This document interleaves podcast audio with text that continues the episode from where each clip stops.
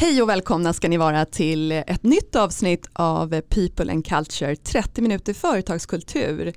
Angela har ni här. Teresa har ni också med er och idag har vi en gäst med oss. Men innan vi börjar med det så ska vi också bara säga att den här podden, företaget som står bakom den, är, det är alltså Culture by Design. Så att om ni vill läsa på mer om företagskultur så är det bara att söka på det företaget. Men det var inte lika viktigt som att vi har en gäst med oss idag. Susanna Davi. Vi har bjudit in dig idag för att vi vill höra mer av din erfarenhet och tankar och expertis kring det här med offboarding. För att det här, jag skulle säga Angela, vad, håller du med mig eller? Men hur mycket pratas det om det egentligen? Jag skulle säga inte alls mycket. inte ens vi pratar särskilt mycket om det, vi som ändå pratar företagskultur. eh, så det här känner jag, så här, apropå att vi har podden till att kompetensutveckla och så känner jag att det här är ett område som jag vill lära mig ännu mer om. Ja, verkligen. Så välkommen hit Susanne. Tack så hemskt mycket, jättekul att vara här. Ja, men, kan inte du berätta lite om dig själv? Hur ser dina dagar ut? Jag är ju en sån här mångsysslare om man ska säga det. Jag brinner ju för allt som har med att skapa ett bra arbetsliv att göra. Och i det så ingår det liksom dels att se till att man får en bra medarbetarresa och en bra medarbetarupplevelse. Och en del av det som jag eh, har grottat ner mig i och fastnat för, lite oväntat kanske, är just det här med offboarding och få till bra avslut. Eh, för det är någonting som jag känner är väldigt bortglömt. Att jag tror att man bara är, är väldigt fokuserad på liksom att skapa en bra rekrytering och en bra medarbetarupplevelse och onboarding. Men sen så när det är dags att säga hej då så är det liksom, hur gör vi det? Ska vi göra en skillnad på om det är någon som säger upp sig eller om de blir uppsagda. Så det finns väldigt mycket där som påverkar arbetsgivarvarumärket på ett extremt stort sätt. Ja, Spännande. Om du ska börja och definiera liksom offboarding för mm. de som inte har hört det begreppet överhuvudtaget. Ja. Kan du liksom beskriva vad handlar det om? Offboarding eller exit-samtal eller, eller exit-intervju eller avslutningssamtal. Det finns kärt barn har många namn. Men det är, jag vill inte säga process för oftast finns det ingen process, men det som händer när en person slutar på ett företag.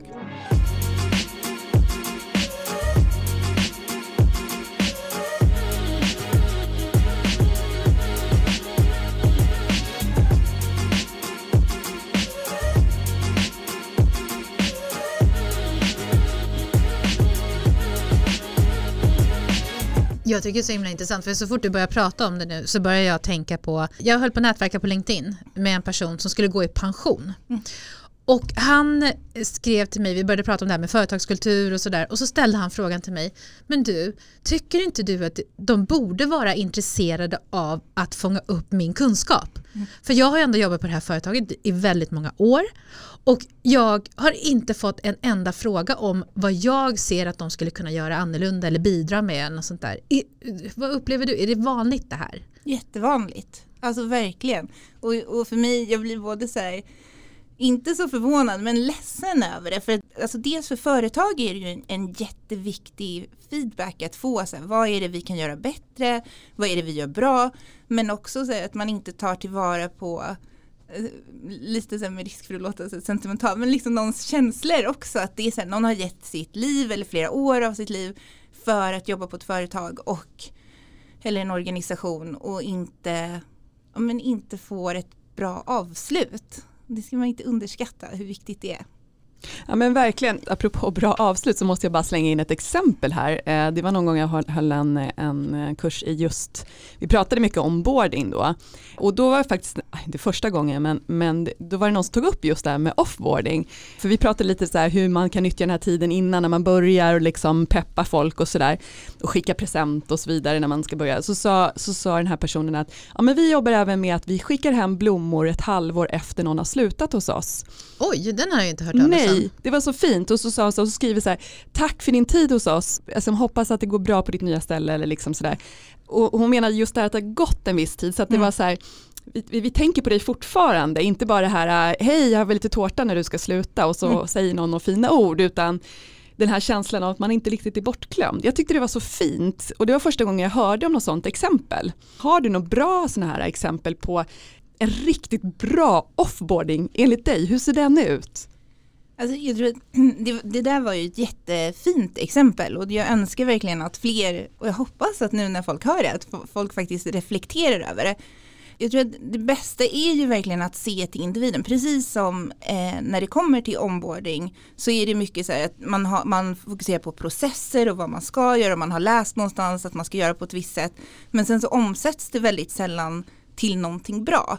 Så att jag tror att många företag eller organisationer har, ja, men de har exitintervjuer, De har läst att man ska ha det. Men jag har nästan aldrig hört om någon som faktiskt gör någonting av den informationen som de får fram. Så jag tänker att det är liksom två sidor av det. Dels är det liksom, ja, men hur gör vi någonting av det här för att få en bättre företagskultur. Men också hur hanterar vi våra före detta medarbetare är det så att man kanske jobbar på ett företag eller en organisation där det är väldigt svårt att hitta kompetensen, är de välkomna tillbaka? Hur gör vi för att de ska vilja komma tillbaka och hur gör vi för att de får en bra känsla? Att de också när de pratar om oss, pratar om oss på ett gott sätt. För även om det har liksom fungerat jättebra i flera år, att liksom hur det slutar är ju en så stor del av en relation även liksom i alla typer av relationer så är det, liksom, det är viktigt att man följer hela processen, att det blir ett bra avslut för att skapa en känsla av att det är okej att komma tillbaka.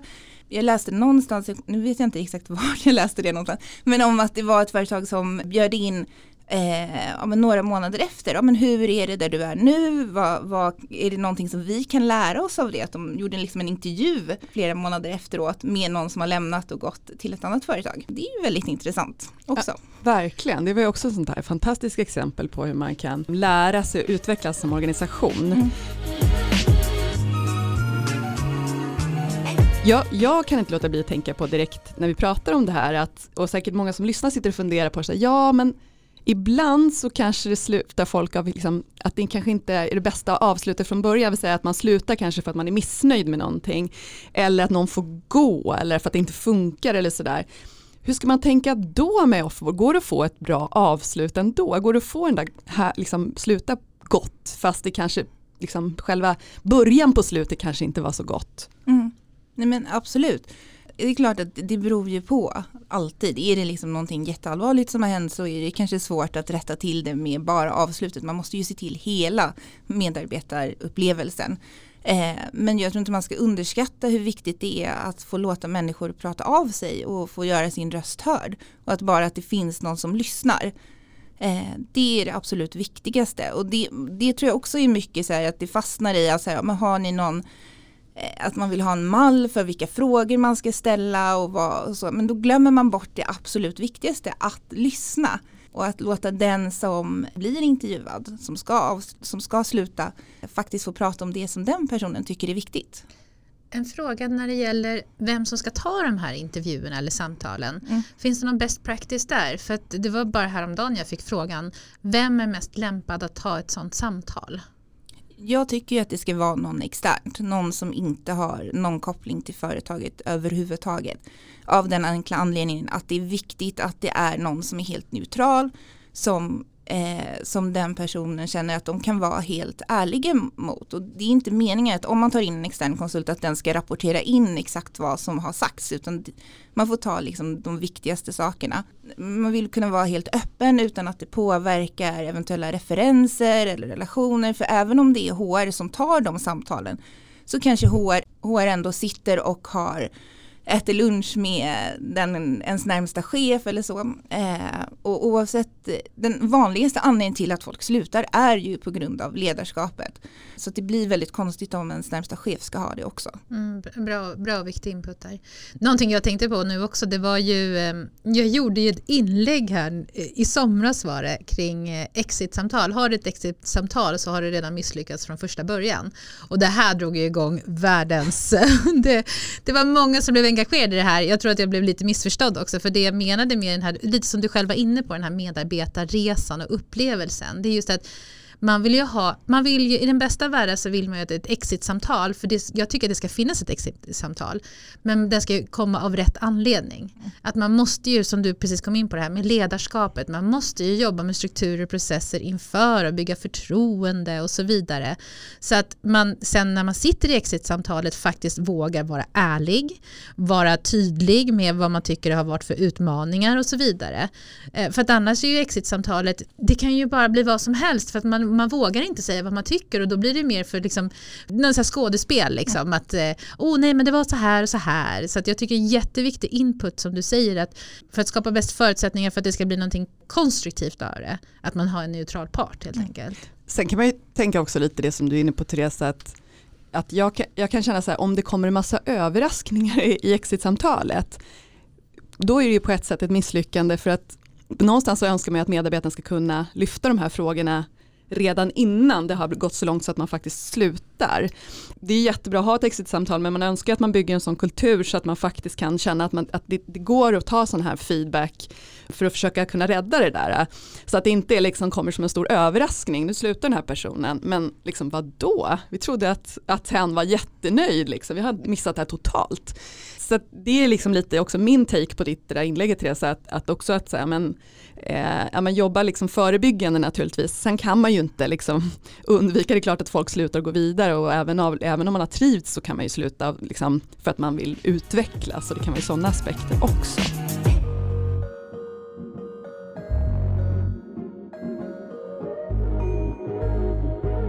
Kan inte du berätta, eh, Susanne, om man nu ska vi som känner att jag behöver bli bättre på att lyssna, hur gör man det på ett bra sätt? Man lägger sitt ego åt sidan faktiskt. Det tror jag är jätteviktigt. När jag ger, liksom, hjälper folk i, i deras arbetsliv för att komma vidare så pratar jag mycket om att här, ha arbetsgivarens perspektiv, vad får de ut av att du gör det här och så. Men det gäller ju även arbetsgivaren. Titta inte, det är så ofta som jag hör liksom ledare säga, ja men eh, den här personen är så himla duktig på det här och jag vill att den ska stanna här. Eh, och glömmer bort att, att en medarbetare faktiskt har förhoppningsvis ambitioner och vill utvecklas och så.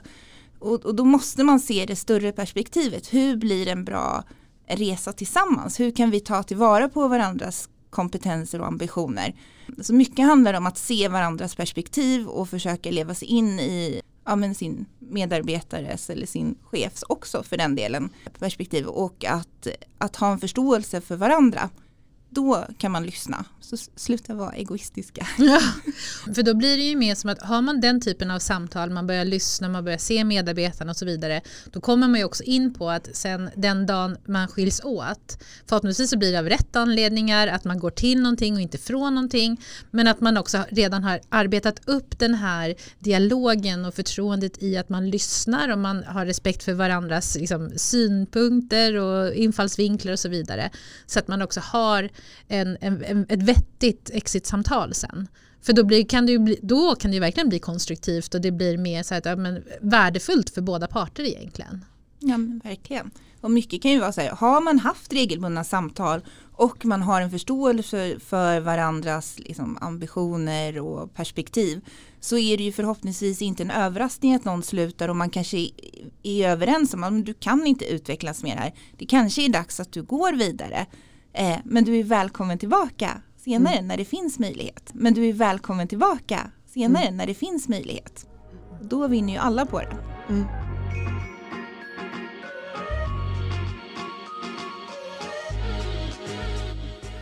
Jag måste bara fråga, eh, har någon av er haft ett riktigt bra exit-samtal någon gång?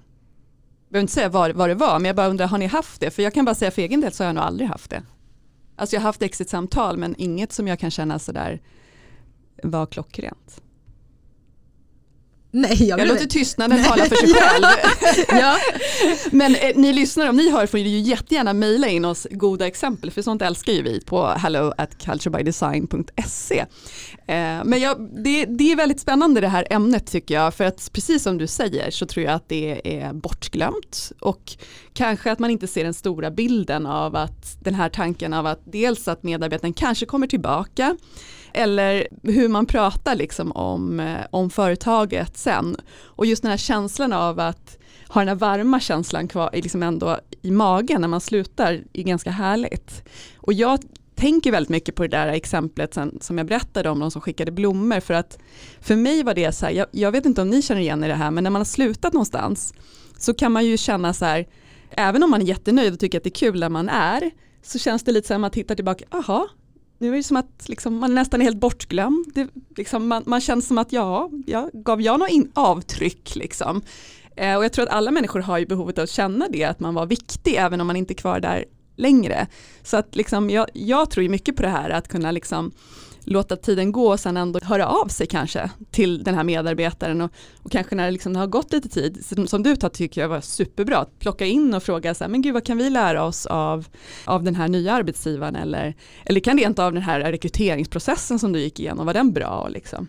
En sak som, en, en, fråga som dyker upp i mitt huvud nu, det är det här, det finns ju de som har så alumni, att just att man, man fångar upp medarbetare som har slutat. Kan man tänka att det också är en del av just en offboardingprocess? Absolut, jag tycker det är en jättebra idé. Man mm. försöker ha ett nätverk av de som faktiskt har jobbat där. Eh, det är någonting som alla vinner på. Mm. Men då tänker jag också att det förutsätter, för att jag har ju varit med i mm, en tidigare organisation som jag jobbade på där man ville ha som ett alumni men där det snarare blev som ett forum för de som hade slutat där de bara kände så här, ah, Alltså det, det var nästan lite så här äh, att folk bara beklagade sig över hur dåligt det hade varit. Det blev liksom helt fel syfte. Ja. Och de som hade slutat, som kanske inte riktigt hade samma upplevelse, de kom in i den här gruppen och fick höra massa saker som de inte hade någon aning om.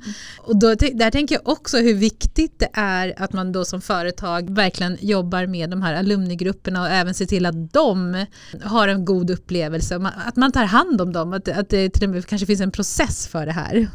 Ja men verkligen.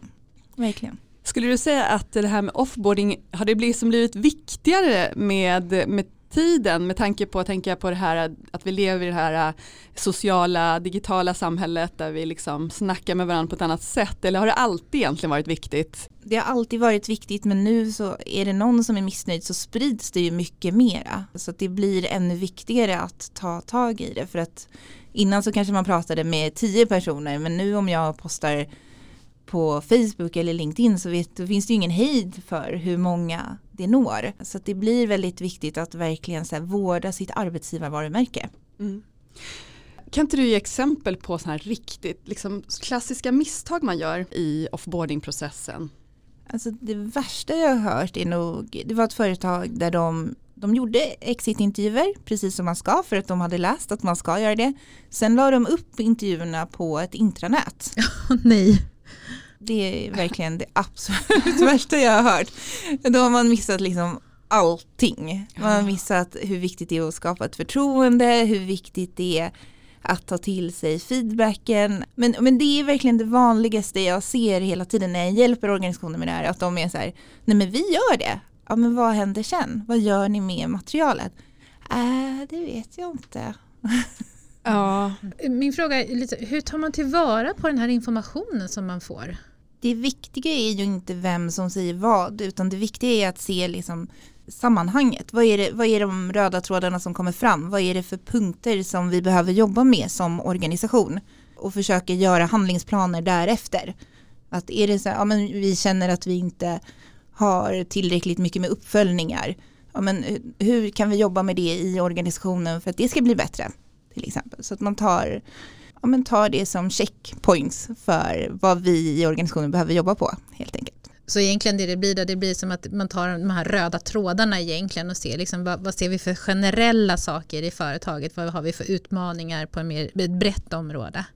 Ja, men intressant. Någonting som jag också kom att tänka på, jag har ju tidigare jobbat med världens största eh, arbetsplatsstudie och det var ju i form av en medarbetarundersökning. Och där, det vi började göra där, det var att det var vissa organisationer som hade en otrolig omsättning på personal. Och eh, där fanns det också möjligheter till att man kunde ta ut, så länge det var liksom att man kunde hålla det anonymt så att man inte kan liksom, eh, fånga ut vem som har sagt vad, då tog de den datan och liksom summerade ihop alla som har slutat då, den data man haft de sista liksom året på vad folk har svarat. Så då kunde man liksom få också så generellt, för det vi vet att det är anonymt. Och då fångade man upp alla då för att se vad har de svarat på specifika utmaningar. Så det kan ju också vara ett sätt att fånga upp det utan att man liksom har det här äh, fysiska mötet. Eh, så att det blir som ett, ett ytterligare perspektiv kopplat Absolut. till ett antal frågor. Mm. Jag tycker det är intressant för när man pratar om Alltså, jag har jobbat med både då medarbetarundersökningar tidigare och sen innan har jag jobbat med kundundersökningar. Och något som slår mig, som jag tycker så här, att vi är för dåliga på att återkoppla. Och då tänker jag, vi är för dåliga på att återkoppla, jag vet inte hur många sådana kundundersökningar ni får varenda dag i er mailkorg och så här, nu, så fort man har pratat med någon i telefon så får man, hur kändes det där och så ska man svara. Och jag har slutat att göra det, först gjorde jag det jätte, för att jag tyckte det var viktigt, så eftersom jag har jobbat med sånt där. Men sen så tycker jag så här, nej, jag är så less på det för att jag skulle gärna vilja få någon återkoppling. Alltså jag skulle så vilja veta vad händer med det här. Och då tänker jag på samma sak i det här offboarding-samtalet.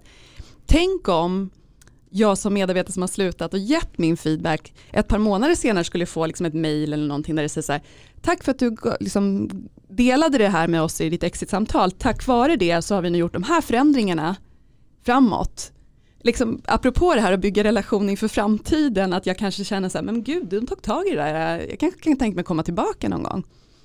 Ja men verkligen, och det, och det är ju också, man vill ju att eh, den som faktiskt tar sig tid och blir intervjuad för att den har slutat, faktiskt tar sig tid att göra det och tar sig tid att ge riktig feedback. Och om det nu som det är i de flesta organisationer att man faktiskt inte gör någonting av den informationen, då minskar ju motivationen till att att faktiskt bry sig om att ge ordentlig feedback utan då kanske det mer blir så här, ja men allt är jättebra. Och så blir det att eh, organisationerna vaggas i någon falsk trygghet att de inte behöver ändra någonting. Mm. Finns det någon, eh, eh, nu drog ju du det värsta exemplet du har varit med om, men så här, vad finns det mer för best practice? Finns det någonting som vi liksom skulle kunna eh, ge till läsarna med, något sånt där som är så här, riktigt, riktigt bra? Kan, brukar man kunna ge typ eh, några presenter? Förut, alltså, eller är det mer liksom arbetsprocesserna i sig? Eller? Det, det, känns extremt sorgligt att säga att jag inte har stött på någon organisation som gör det här bra. Alltså verkligen. Men jag tror att det, men man Jag börjar förstå det. varför du brinner för det här Susanne. För det, finns, det låter ju obviously som att det finns mycket att göra där ute. Många som behöver hjälp med det. Ja, men det som är positivt är ju att det finns väldigt mycket att förbättra då, att det bara kan bli bättre. Eh, och jag tror att precis som vi nu, det känns ändå som det här med onboarding är relativt nytt, eller så är det jag som är gammal, men hur som helst, det är nog relativt nytt att vi börjar se att ja, men vi måste ha en bra upplevelse. Och någonstans så har jag någon förhoppning att när vi går liksom genom medarbetarresan så kanske vi också börjar så här, men hur behandlar vi folk som slutar? Att det faktiskt är så här, aha, det kanske vi också ska tänka över, att det faktiskt är en viktig del av vår relation. För det är så jag ser det, liksom, att när man är anställd, anställd arbetsgivare, att det är en relation och då behöver man se till att man får snygga avslut, att det är bra avslut som känns bra i magen. Du pratade i början om att man också kanske ska liksom fundera på att göra skillnad på om, alltså hur avslutet sker, varför det sker, om, mm. man, om man blir uppsagd eller om man ser upp sig själv och så vidare. Är det olika processer då eller?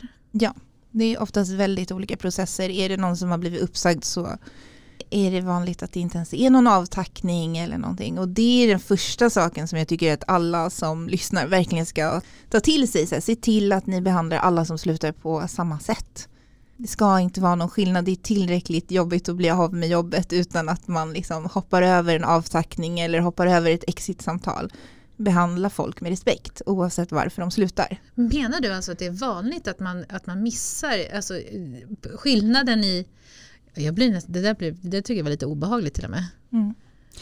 För ja. då någon gång så borde man ju verkligen ta hand om en person som ändå är där och är lojal och vill göra sitt jobb. Om den då blir uppsagd, då, då borde man ju nästan visa ännu mer uppskattning och vad tråkigt och tack för din tid och sådär kan jag ju uppleva nästan.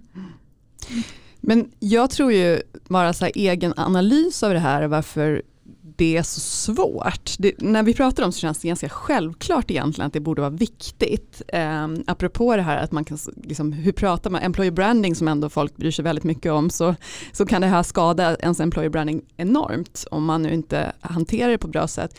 Men min liksom, analys av det tror jag att man man har då generellt svårt att skilja på sak och person att jag tror, och liksom bara av erfarenhet, det här kan jag inte bygga egentligen mycket mer på liksom hörsägen och egna upplevelser, men att det blir personligt. Liksom, att, att det, det är svårt att se nyanserat på situationen, att liksom, det, det, blir nästan som att man gör någonting mot en person, alltså ens chef i det här, för att man lämnar ens team, eller istället för att se då på det här sakliga, att det är, liksom, det är saker vi har gjort fel som vi mm. skulle kunna ändra på, vilket gör att det blir svårt att ändra på det då, eftersom det är lätt att gå in i någon slags försvar, tänker jag. Ja men verkligen, och det är det jag menar med så här, lägg egot åt sidan. Det handlar inte om dig, det handlar om så många olika faktorer. Jag tror vi alla har hört så här, skräckhistorier om chefer som liksom börjar frysa ut medarbetare som har sagt upp sig eller som ger sken av att de vill utvecklas eller vill vidare. Och jag tror, liksom, ska man ha en bra relation så måste man lägga egot åt sidan och börja lyssna. Det är verkligen den röda tråden i det här en del organisationer börjar också bete sig lite annorlunda på det sättet att man kanske inte har med de personerna i möten och sådär på slutet när de ändå ska vidare. Jag tänker så här konferensresor och annat liksom. Att man kanske tycker att ja, men ni ska ändå sluta. Så att, vad, vad har du för åsikter om det? Ska man fortsätta precis som vanligt eller Ja, alltså sen kanske det finns undantag med liksom de går till en konkurrent eller sådana saker, men generellt så, ja det ska inte vara någon skillnad. Du behöver liksom vårda relationen. Mm. Gör det inte mer komplicerat än så. Mm. Hur skulle du själv vilja bli behandlad om du sa upp dig? Mm. Jag tänker också på den saken, jag hörde det faktiskt bara häromdagen, att eh, det är så olika det där också när någon säger upp sig, om man, eller rättare sagt också blir uppsagd. Hur pass närvarande är man också som medarbetare? Hur mycket kan man förvänta sig? Eh, jag vet att det finns ju de arbetsgivare som håller stenhårt på att du ska jobba till den sista dagen och så vidare. Eh, har du någon uppfattning där?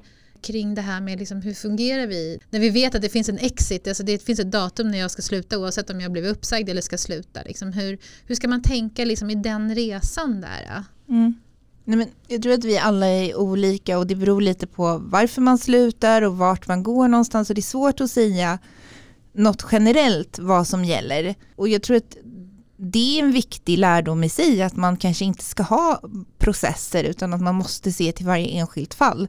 Och man måste se till, okej okay, men den här individen, är det den här anledningen? Någon kanske säger upp sig ja, för att de vill ha en högre position. Det behöver inte betyda att man inte liksom vill göra ett bra jobb där man är. Men sen så kan det vara att man slutar för att man är missnöjd och då kanske man bara sitter av tiden. Så det, man behöver se till individen och varje enskild situation.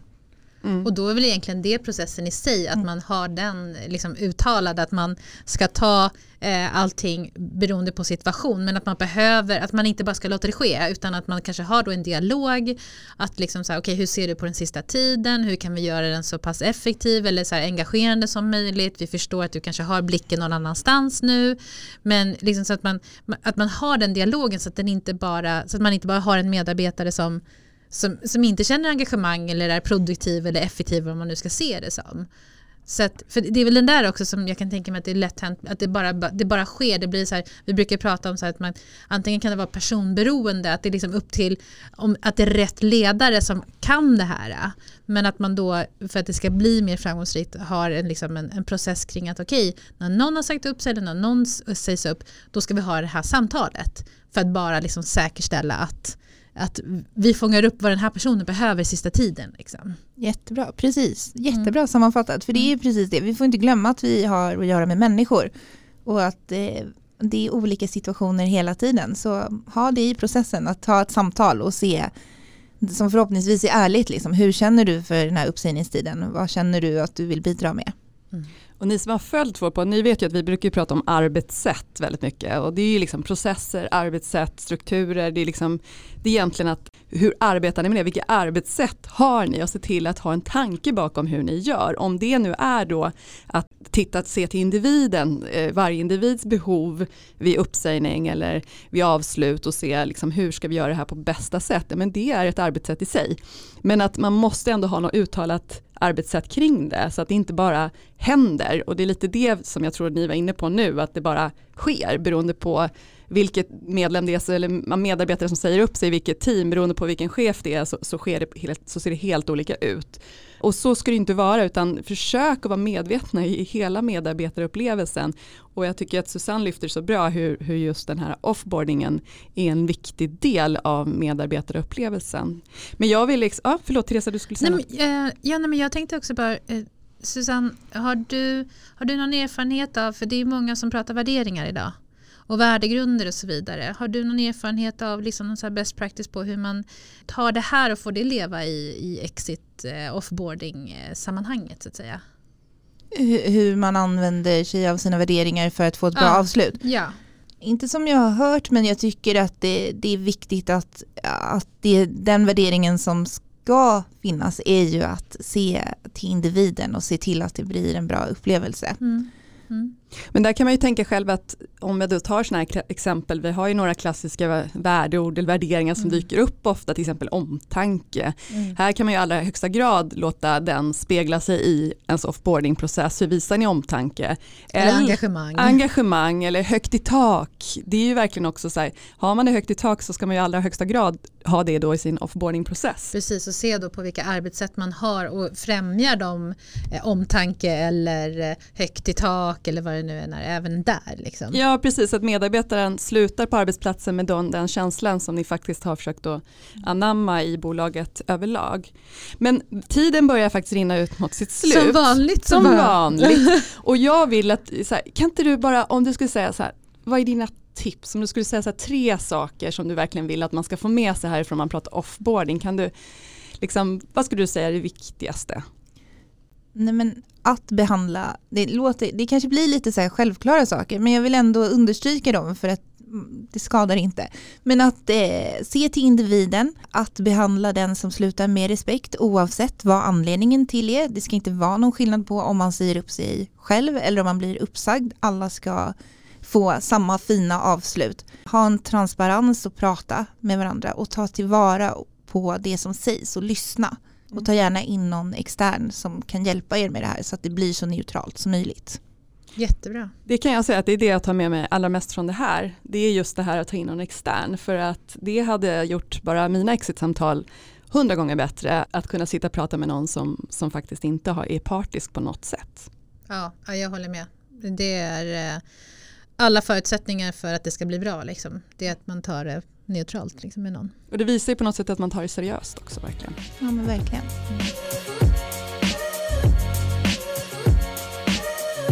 Superstort tack Susanne för att du kom och delade din klok, dina klokheter med oss.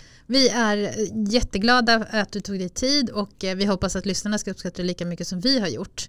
Eh, är det nu så att du som lyssnar känner att du har frågor till Susanne eller till oss eller tips på andra ämnen? Vi, som ni märker, ni som har hängt med oss ett tag nu, vi älskar ju att lyfta ämnen som har med företagskultur att göra och det handlar ju om allt från offboarding till eh, eh, kundnöjdhet och vad det nu kan vara. Så att, eh, är det så att ni har eh, andra tankar som ni vill att vi ska lyfta så hör gärna av er till hello at culturebydesign.se.